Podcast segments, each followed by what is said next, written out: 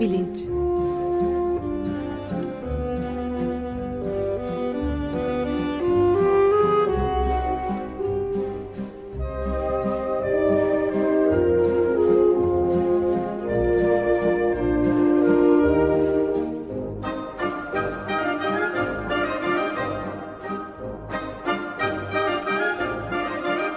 Güven Güzeldere ile bilim ve felsefe sohbetleri. Günaydın Güven Bey, merhabalar. Günaydın Ömer Bey. Günaydın Güven Bey, merhaba. Can günaydın. Evet, bugün bir konuğumuz var. Ee, Profesör Ozan Eröz'den e, nöro hukuk üzerine konuşacağız galiba ama siz takdimi yaparsanız memnun oluruz. E, tabii bugün çok ilginç bir program olacağını düşünüyorum. Geçen hafta e, bu çiftlik bank olayı e, çerçevesinde e, davranışçı iktisat ve kısmen nöro iktisattan bahsetmiştik. O da nörobilimin e, iktisatla e, bir parçada psikolojiyle kesiştiği e, bir alan. E, şimdi de yine nörobilimin bir parçada nöropsikolojinin hukukla e, kesiştiği zaman ortaya nasıl yeni bir e, interdisipliner çalışma alanı çıkıyor. E, bundan bahsedeceğiz. Nöro hukuk konumuz. E, nöro hukuk çok yeni bir alan. E, nedir, ne şekilde doğmuştur? Bunlardan e, bahsetmek için e, Türkiye'de bu konunun e, tahmin ediyorum tek uzmanı Profesör Doktor Ozan Eröz'den e, stüdyoya kadar geldi. Kendisine çok teşekkür ediyorum.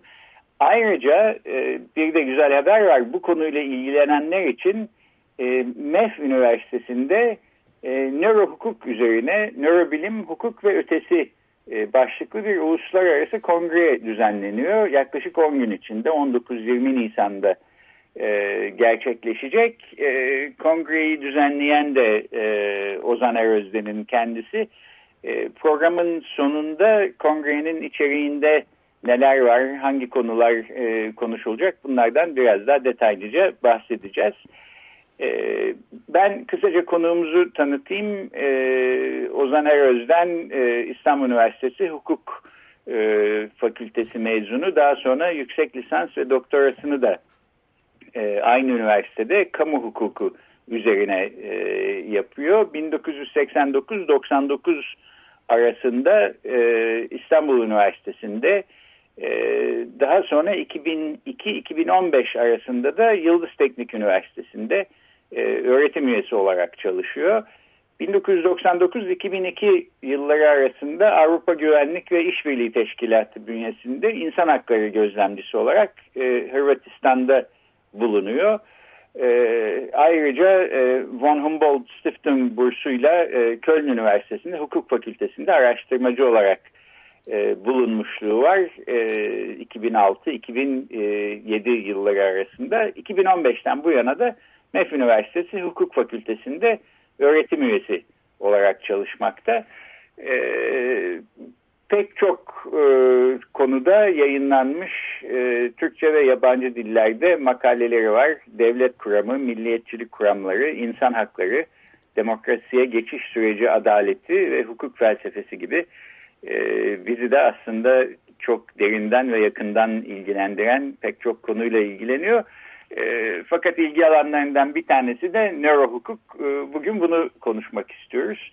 E, nörobilim hukuka nasıl bir katkı sağlar? Nörobilimle hukuk bir araya geldiği zaman ne olur? E, nedir bu yeni alan? Nasıl ortaya çıktı? Bir ihtiyaçtan mı doğdu?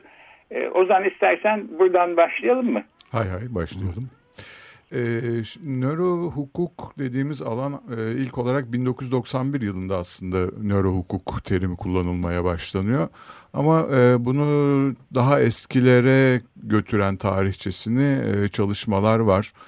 E, esas olarak şunu belki söyleyebiliriz nöro hukukun içeriği olarak en yalın anlamında nöro hukuk e, hukuki uyuşmazlıkların çözümünde nörobilim verilerinin kullanılması ne kadar mümkün olabilir? Nörobilim verileriyle e, mahkeme e, önüne kadar gelmiş hukuki uyuşmazlıkların çözümü daha kolaylaştırılabilir mi? Gibisinden bir soru üzerinden kendisini yaratan bir alan ilk etapta ama bunun tabii daha dallanıp budaklanan yönleri de var. Bu belki en yalın düzlemidir diyebiliriz. Bunun üstüne çıkan başka düzlemler de var. Ama başlangıç olarak bundan bahsetmek belki en doğrusu. Evet, nitekim senin e, üstünde çalıştığın bir makale var benim de okuduğum. Orada e, üç düzlem ayrımı yapıyorsun. Yalın düzlem, e, paradigmatik düzlem ve felsefi düzlem e, diye daha somuttan daha soyuda doğru giden e, düzlemlerde çeşitli soruları ele alıyorsun. Bundan da bahsedelim fakat ben belki geçen haftaki programa yeniden e, bağlayayım. Davranışçı iktisat, e, nörobilim ve psikolojiye bakarak e, şöyle bir varsayıma karşı çıkıyor demiştik. E, finansal konuda e, karar alan insanların mükemmel rasyoneliteye sahip olmayan özneler e, olduğunu gösteriyor ve bu varsayımla hareket ediyor e, e, davranışçı iktisat. Buna benzer bir şekilde herhalde işin içine psikolojinin ve nörobilimin girmesiyle de öznenin nasıl tanımlandığı ya da tanımlanması gerektiği e, belki revizyona uğruyor ve nöro hukukun hukuk konusunda e, devrimci e, niteliklerinden birisi bu olabilir gibi geliyor bana. E, bu konuda ne dersin? Evet e, yani şöyle diyebiliriz aslında. Şimdi e, modern hukuk sistemleri e, insanı insan davranışını şöyle anlamlandırıyorlar. Bu aslında e, halk psikolojisi olarak da adlandırılan bir bakış açısı olarak psikoloji bilimine de e, içkin bir konu. E, bir insan davranışını anlamak için bir e, insanda var olan zihin durumuna bakmak gerekir. Yani e, mesela Ozan Eröz'den niye şu anda açık radyoda konuşuyor? Çünkü ona bir zihin durumu atfediyorsunuz. Bunu yapmak istiyor işte e, nörobilimi tanıtmak istiyor veyahut da e, başka bir zihin durumu. Bir kast, bir anlam katacak bu davranışa bir e, zihinsel faaliyet ve bunun üzerinden insan davranışını açıklıyoruz. Yani ne zaman bir insan davranışıyla karşılaşsak bunun arkasında bir zihin e, hali tanımlıyoruz. Ee, işte mesele e, tam olarak nörohukuk e, çerçevesinde tartışılmaya başlandığı zaman bu zihin durumları varsayımı acaba doğru mudur değil midir tartışması gündeme gir giriyor. Yani insanın e, davranışını açıklarken e, zihin durumları varsayımının ötesine geçen biyolojik bir takım faktörleri devreye sokmamız gerekir mi? İndirgemeci bir e, biyolojik e, belirlenimcilikle e, insan davranışlarını açıklamak mümkün müdür? Yani istemek gibisinden bir fiil yerine e, bir takım e, sinir devrelerinin birbirleriyle iletişim halinde olmasından kaynaklanan e, bazı işte fizyolojik e, zorunluluklar mı acaba insan davranışını e, tanımlayan esas olgudur? Bu soruyu sorduğumuz zaman nörohukukun e, işte huk, hem e, yalın düzlemi olarak tanımladığım düzlemine hem de paradigmatik düzlem olarak tanımladığım düzlemine yönelik birer e, giriş yapmış oluyoruz. E, paradigmatik derken tam neyi kastediyorsunuz o zaman bir? Yani e, şunu kastediyorum bu zihin durumları varsayımını acaba geçersiz kılmak e, günün birinde mümkün, mümkün olacak mı? Evet, evet. Yani çünkü e, zihin durumları tanımladığımız zaman insana sorumluluk atfedebiliyoruz. Eğer bir kişi bir davranışı bilerek ve isteyerek yapmışsa evet. veyahut da kendisinden göstermesi gereken özeni göstermeden bir e, faaliyette bulunmuşsa ya da hareketsiz kalmışsa o zaman kendisine sorumluluk tanımlayabiliyoruz. Ama bu e, denklemden istemek, kastetmek, e, bilmek gibisinden fiilleri çıkarın. O zaman e, bütün sorumluluk, ceza sorumluluğu veyahut da diğer hukuki alanlardaki sorumluluklar e, bunları yeniden tanım, tanımlamak gerekecek. Evet tam bir paradigma. Belki bir, bir, bir örnekle açıklayabilirim. Bu Amerika Birleşik Devletleri'nde e, bir davaya konu olmuş bir olay. En çok verilen örnektir bu. E, bir 40'lı 40'lı yaşların sonunda bir erkeğin pedofili davranışını açıklarken bir beyin tümörü vakasıyla karşılaşılması. Hmm. Yani beyin tümörünün mevcudiyetiyle pedofili davranışı arasında birebir ilişki var. Burada artık pedofili davranışının yarattığı bir hukuki sorumluluktan bahsedemiyoruz. Bir tıbbi vakadan artık söz ediyoruz. Dolayısıyla ceza hukuku sorumluluğu bildiğimiz anlamıyla ortadan kalkıyor. Kalkıyor, ilginç. Ya da kalkıyor mu kalkmıyor mu bu tartışmaya evet, girmeye evet, başlıyoruz. Lazım, evet. Bu senin e, yalın düzlem dediğin ilk e, düzlemde e, belki şu şöyle bir ön kabul var. E, insan kendi e, kararlarını e, ve davranışlarını ölçüp biçecek, davranışlarını e, yönlendirebilecek bilişsel yetilere sahip ve özgür iradeye sahip bir canlı olarak e, bir hukuk sistemi içinde yer alıyor. Bu sistem içinde yer alırken e, belki bu e, bilişsel e, halini değiştirecek işte bir beyin tümörü e, gibi ya da e, yine Amerikan hukuk sisteminde çok verilen örneklerden bir tanesi işte uyur gezer haldeyken dolayısıyla özgür iradesiyle hareket etmiyorken e, öyle olduğu iddia ediliyor. E, adam karısını bıçaklayarak öldürüyor ama ne yaptığının farkında değil ya da öyle olduğunu e, savunuyor. Benim anladığım kadarıyla bu tür e, alanlarda nörobilimin hukukla e, yollarının kesişmiş olması aslında nöro hukuktan önceye gidiyor değil mi? Yani böyle bir e, iddia gündeme geldiği zaman beyin tümörü yüzünden e, pedofili davranışı gösteriyor. Dolayısıyla aslında burada bir özgür iradeden ve ona o varsayımla yapılacak bir cezalandırmadan bahsedemeyiz e, deniyorsa bu işin e, olgusal kısmını açıklamak için herhalde bir takım nörobilimci uzmanlar e, çağrılıyor, onlara bakılıyor filandı. E, ama ben doğru anlıyorsam nörohukuk e, senin bu bahsettiğin ikinci ve üçüncü düzlemlerde daha ileri anlamda e, daha değiştirici, dönüştürücü etkilere de sahip. Yalnızca hukuka bir uzmanlık e, hizmeti sunmanın ötesinde başka bir paradigma da sanki yaratıyor gibi doğru anlıyor muyum?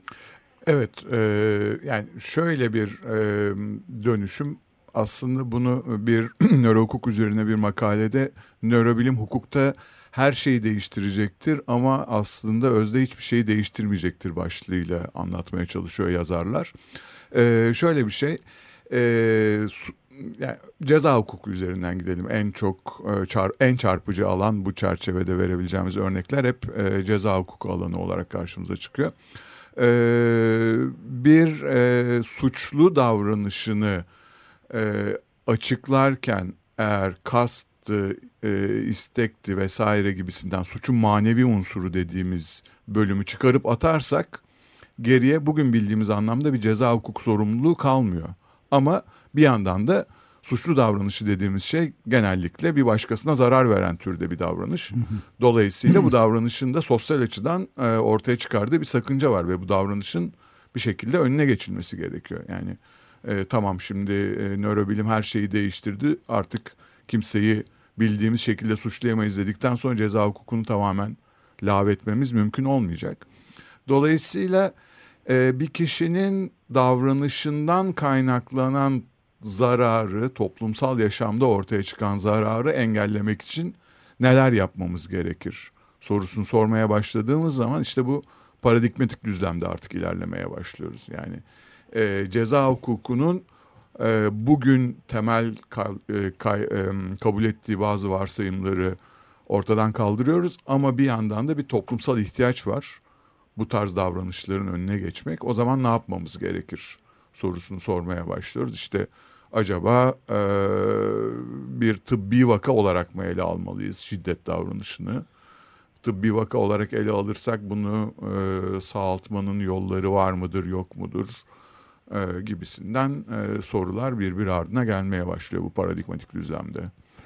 Ben de bir şey e, araya girip sorayım izninizle. Yani bu e, özellikle Amerika Birleşik Devletleri'ndeki son e, seçimde Donald Trump gibi bir figürün gelmesi ve kendisine benzer figürleri de e, yakın çalışma arkadaşları olarak seçmesi yani Amerika Birleşik Devletleri gibi dünyanın en güçlü ve zengin ülkesinin başındaki kişinin davranışlarında psikopatolojik şeyler var mı? Bu tartışma Amerika'da bir hayli yaygın olarak yani sorumlu tutulabilir mi? Görevden işte azledilmeli davası açılmalı mı gibi tartışmalar vardı. Tabii evet. Trump yalnız değil aslında pek çok böyle yeni lider figürünün de farklı ülkelerde çıkmaya başladığını gördük ama en tipik örneği e, belki de Donald Trump oluyor. E, bu konuda ne söylenebilir? bu konu çok e, tartışıldı. E, Trump'ın öncesinde e, George W. Bush açısından evet. da bu tartışıldı. Tony Blair üzerinden de tartışıldı. Acaba e, bu kişiler Irak Savaşı'na da Irak işgaline diyeyim e, girerken gerçekten sağlıklı karar verme yetisine sahip miydiler? Ee, tabii bunları işte e, bu nörobilimin nörofelsefeye e, doğrudan doğruya etki yapan e, boyutuyla belki düşünmek e, mümkün olabilir. Yani ama tabii burada şunu tanımlamak gerekiyor. Sağlıklı çalışan bir beyin nedir? Evet. Bunu bunu tanımlamaya yetkili makam kimdir? Ee, şimdi burada da şöyle bir problemle karşı karşıya kalıyoruz. Aslında e, sağlıklı çalışan beyin nedir sorusunu e, yanıtlamanın bir iktidar e, kaynağı olduğunu bize Michel Foucault çok güzel açıklıyor. Evet. E, normali tanımlamak demek, norm dışında kalanı tanımlamak aynı zamanda iktidarıdır. Ve norm dışında kalanı da toplumdan dışlama yetkisine kadar giden bir şey. Ee, şimdi sağlıklı çalışan beyin nedir sormaya başladığımız zaman bunu tanımlama yetkisi nereden kaynaklanır? Bu iktidar kime, kim tarafından verilir gibisinden bir takım sorular da gündeme geliyor. Mesela suçlu olmayan beyin nasıl bir beyindir? Acaba suçlu olmayan beyni tespit etmek için kimlerin e, uzmanlığına başvurmamız gerekir? E, bunları yanıtlamak bugünkü nörobilim e, verileriyle şu anda mümkün değil ama günün birinde mümkün olursa bunu acaba e, evet. tırnak içinde kim e, hangi iktidarları elde etmek için kullanacak sorusunu da sormamız gerekiyor. Peki ben buna ilaveten bir ufak sorum daha olacak. Yani büyük ama kısa konuşmak zorundayız. Yani çok yeni bir e, habere göre ee, bu 21. yüzyılın belki de en büyük soykırımı olan e, Myanmar'daki Arakan ya da işte o Müslümanlar azınlıklara yapılan şeyde e, büyük sorumluluğun aslında orada mevcut olmayan Myanmar ülkesinde çok az olan e, şeyin e, sosyal medyanın Facebook'la birden muazzam bir sıçrama yapılması ve orada kullanılan nefret söylemlerinde paramiliter grupların korkunç bir katliama yani toplu mezarlara binlerce kişinin ölümüne ev köylerinin yakılmasına ve de işte toplu mezarların bile asitle değiştirilerek şeye gitti. Ve bunlar tamamen bunu hak eden adlarını unuttum şimdi ama yani adları bile var. Kötücül bir adı var. İşte bu insanlar insan bile değildir deyip e, Budist e, camilerde zaten silah bırak e, biriktirip sonra şey yapıyorlardı. Bizim Budist pagodaları yakacaklar, yıkacaklar filan diye. Bu doğrudan doğruya bu konuda çok ciddi bir araştırma yapan bir e, kuruluş. Analist e, doğrudan doğruya Facebook'un ve CEO'su Zuckerberg dahil arkadaşlarının büyük bir sorumluluk altına girdikleri o vicdani şeyden bahsediyor ama acaba buna bir de hukuki sorumluluk atfedilebilir mi diye. Çünkü kendisi de kabul etti hatalar olabileceğini. Tam bu konuda Myanmar konusunda da sorun var dedi Vox e, medyaya verdiği bir şeyde Zuckerberg'in kendisi de. Anlıyorum. Ee, şimdi e, nöro hukuk açısından bakarsanız ben o açıdan yanıtlayayım e, evet. soruyu. E, bu biraz e, birincil düzlemde e, kalan evet. bir mesele gibi e, evet. karşımıza çıkıyor. Yani e, hala e, birilerinin soykırım yapma istemi olduğu ya da olmadığı varsayımından hareket ediyoruz. Bu istemin birileri tarafından oluşturulmasından bahsediyoruz. Ama e, ikinci düzleme atlarsak, paradigmatik düzleme atlarsak artık soykırım yapma isteminden söz etmemiz mümkün değil. Burada diyelim mesela e, bir e, biyolojik e, uyaranın doğrudan doğruya bir organizmada soykırım yapma e, kabiliyetine sahip bir organizmada soykırım yapma davranışını başlatması gibisinden bir olgudan söz etmemiz gerekiyor. E, tam olarak e, açıklayabildim? Evet, Aradaki evet, farkı bile yani e, nefret söylemi bir istem oluşturmaya yönelik bir e, uyaran olarak de, değerlendirilebilir. Fakat e, paradigmatik düzleme atladığımızda, bir üst düzleme atladığımızda artık bundan ötede bir yerde biyolojik determinizm üzerinden acaba soykırım davranışını anlayabilir miyiz diye konuşmaya başlıyoruz.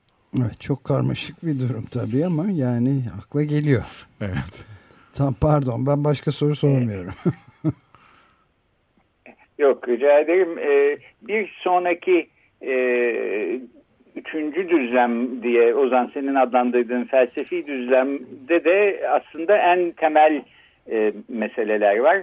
Yani hepimiz bir e, hukuk sisteminin içinde kendimizi var olmuş bulduğumuz için sanki o sistem işte ezelebet varmış ve belki zorunlu olarak olması gerektiği gibiymiş e, yanılsaması içinde olabiliyoruz. Oysa e, bir konvansiyonlar topluluğu belli ki iyi çalışan işte e, ya da nispeten iyi çalışan bir sistem olarak kurulmuş ve öyle gidiyor. Ucundan bucağından çekiştirilerek, değiştirilerek e, gitse de. Ama tabii şu soruyu sormak mümkün. Ee, örneğin insan beyninin evrimi hakkında daha fazla şey e, öğrendikçe insan toplumunun evrimi hakkında da belki ona iş ışık tutacak bir şeyler öğrenebiliyoruz. Ya da senin yazında belirttiğin gibi e, diğer kamlık davranışının evrimine baktığımız zaman e, toplumsal düzenin kuralları hakkında e, biraz daha bilgi sahibi olabiliyoruz. Ve belki bütün bu bilgilerin ışığında hukuk sistemini yeniden düzenlemek ya da işte bir şekilde e, değiştirmek, transforme etmek mümkün olabilir. Adalet duygusunun ve ahlakın evriminden söz edeceksek belki buna koşut olarak hukukun da e, evriminden söz etmek e, gerekebilir. Bu üçüncü düzlem, felsefi düzlemin e, nöro hukuk çerçevesinde getireceği yenilikleri e, sen nasıl görüyorsun? E, bence nöro hukukun bu düzlemdeki etkisi çok e, devrimci e, olabilir. Şöyle ki, şimdi hukuk felsefesinin temel sorularından bir tanesi hukukun kaynağı nedir sorusudur. Yani hukuk dediğimiz şey nereden çıkar? Ve e, bir yandan da baktığımızda şunu gözlemliyoruz. E, insan toplumların tamamında kurallarla düzenlenme ve kurallara bir meşruiyet inancı üzerinden uyuma gibisinden bir davranış kalıbı mevcut. Dolayısıyla bu davranış kalıbının nörobiyolojik temellerini araştırarak belki de insan türünün bir e, adaptasyon e, özelliği olarak bu toplumsallığı yaratıp yaratmadığını sorgulayabiliriz. Yani insan türü e, kurallarla düzenli toplumsallığı diğer bütün canlılardan farklılaşıyor bu anlamda insan toplumsallığı. Yani toplu yaşayan bütün canlıların evet. toplumsallığından. E, kurallarla yaşayan insanın e, acaba bu kurallı düzeni yaratmasında bir beyin evrimi sürecinden söz edebilir miyiz? Bu soruyu araştırmaya başladığımız zaman nöro hukukun felsefi düzlemine geçiyoruz, üçüncü düzlemine. Evet peki ben bir, de o zaman e, şunu sorayım. Her zaman olduğu gibi daha ziyade bireyler üstünden ilerleyen nörobilim gibi bir bilimin daha toplumsal bir alan olan e, hukuka girdiğinde e, ortaya iki yüzü olan bir madalyon gibi hem e, e, yararlanılması e, mümkün olan hem de ama dikkat edilmesi gereken bir durum ortaya çıkıyor diye düşünüyorum. Yani bir anlamda bugün e, büyük bir hızla ilerleyen beyin bilimlerine kayıtsız kalmak mümkün değil. Hukukunda kayıtsız kalmaması lazım. Öte yandan belki nörobilimin getirdiği yeniliklere e, fazla bir e, güven duygusuyla aslında hukuki açıdan yanlış işler de yapmak mümkün olabilir. Yani e, bir yalan makinesinin mesela her zaman doğru çalıştığı kanısıyla bir yargıç ya da Amerika Birleşik Devletleri'nde bir jüri e, yanlış kararlar verebilir. E, belki sağduyuyla vermesi gereken ve öyle olsa daha doğru olacak kararları bir tarafa bırakıp e, nörobilim bize bunu gösteriyor diye belki bir e, yanlış yönlendirmeyle e, yanlış yerlere gidebilir. Sen hmm.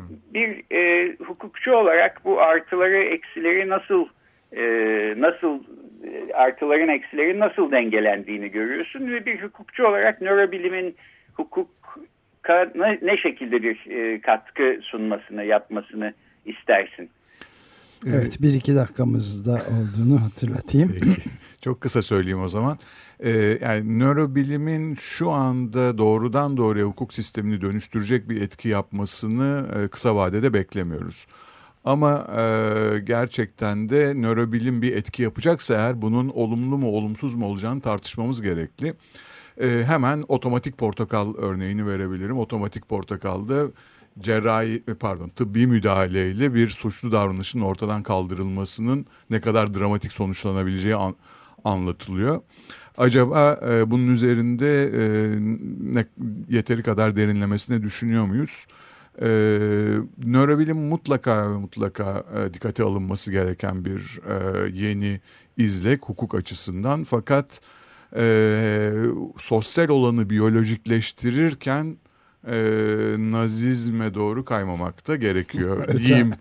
evet yani. Öjenizme kaymayalım evet, değil mi? Evet. Evet. Peki o zaman programı bitirirken bu konferanstan e, söz ederek e, tamamlayalım. Benim bildiğim kadarıyla Türkiye'de ilk kez e, nöro hukuk üzerine bir konferans düzenleniyor. Sen düzenliyorsun MEF Üniversitesi'nde evet. 19-20 Nisan'da. E, içeriğinde neler var? Her isteyen katılabilir mi? E, bence hem hukuklu hem beyin bilimleriyle ilgilenen e, öğrencilerin hiçbirinin kaçırmaması gereken e, çok heyecanlı ve ilginç bir e, konferans e, gerçekleşecek gibi gözüküyor. Biraz bu konferansı da e, duyurabilir miyiz? Hay hay ben de gerçekten heyecanlanıyorum bu konferansı düzenlerken. Evet Türkiye'de bir ilk olacak. E, iki günlük bir konferans beş oturumda işte insanın bilinçli bir canlı olup olmadığı varsayımını, e, insan davranışının sosyallik içinde e, anlamlandırılmasını, kurallılıkla bağlantısını e, ve ee, yine aynı şekilde evrim sürecinin e, insan davranışını e, bugünkü e, şekliyle ortaya çıkarırken ne şekilde etki ettiğini değişik panellerde tartışacağız. Bir de yapay zekaya ayırdığımız bir e, panel daha olacak. Yapay zekada e, biliyorsunuz e, nörobilimle el ele giden bir çalışma alanı. E, bunun da ortaya çıkardığı hukuki e, etik vesaire sorunlar var. Bunları da ele alacağımız iki günlük bir konferans. E, MEF Üniversitesi'nin web sitesi üzerinden konferansın ayrıntılı programına ulaşmak mümkün. Katılım herkese açık. E, gerçekten ilgi duyan herkesi bekliyoruz konferansa. Ah, Ozan Bey çok teşekkür ederiz. Güven Bey sizin söyleyeceğiniz bir şey var mı? E, hayır e, programı bitirebiliriz. Bir yalnız şunu söyleyeyim ben e, Açık Bilinc'in Twitter sayfasından e, konferansın bağlantısını paylaşacağım. Dolayısıyla oradan da bakmak, e, görmek mümkün. E, sahiden çok e, heyecanlı bu yeni alanın e, Türkiye'de tanıtım açısından da çok önemli bir e, kilometre taşı olacağını düşünüyorum. E, bugün nöro hukuk e, diye bilinen e, ve aslında yeni ortaya çıkmış e, interdisipliner, disiplinler arası heyecanlı bir alanı konuştuk. E, bu e, konunun uzmanlığının başını çeken e, Türkiye'de Profesör Ozan Eröz'den konuğumuzdu. Ozan yeniden çok teşekkür ederiz geldiğin ve bütün bunları bize anlattığın için. Ben teşekkür Biz ederim. Biz de çok teşekkür ederiz evet. Peki o zaman bitiriyoruz. Haftaya görüşmek üzere. Haftaya görüşmek üzere. Çok teşekkürler. Görüşmek üzere.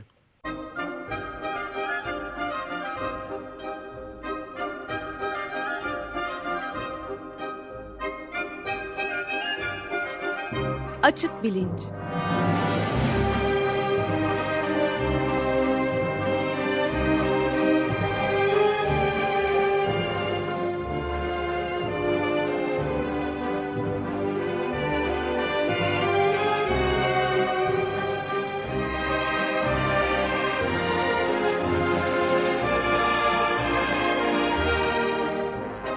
Güven Güzeldere ile bilim ve felsefe sohbetleri.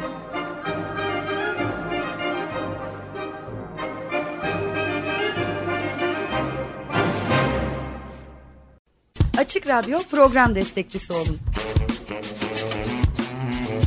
Bir veya daha fazla programa destek olmak için 212 alan koduyla 343 41 41.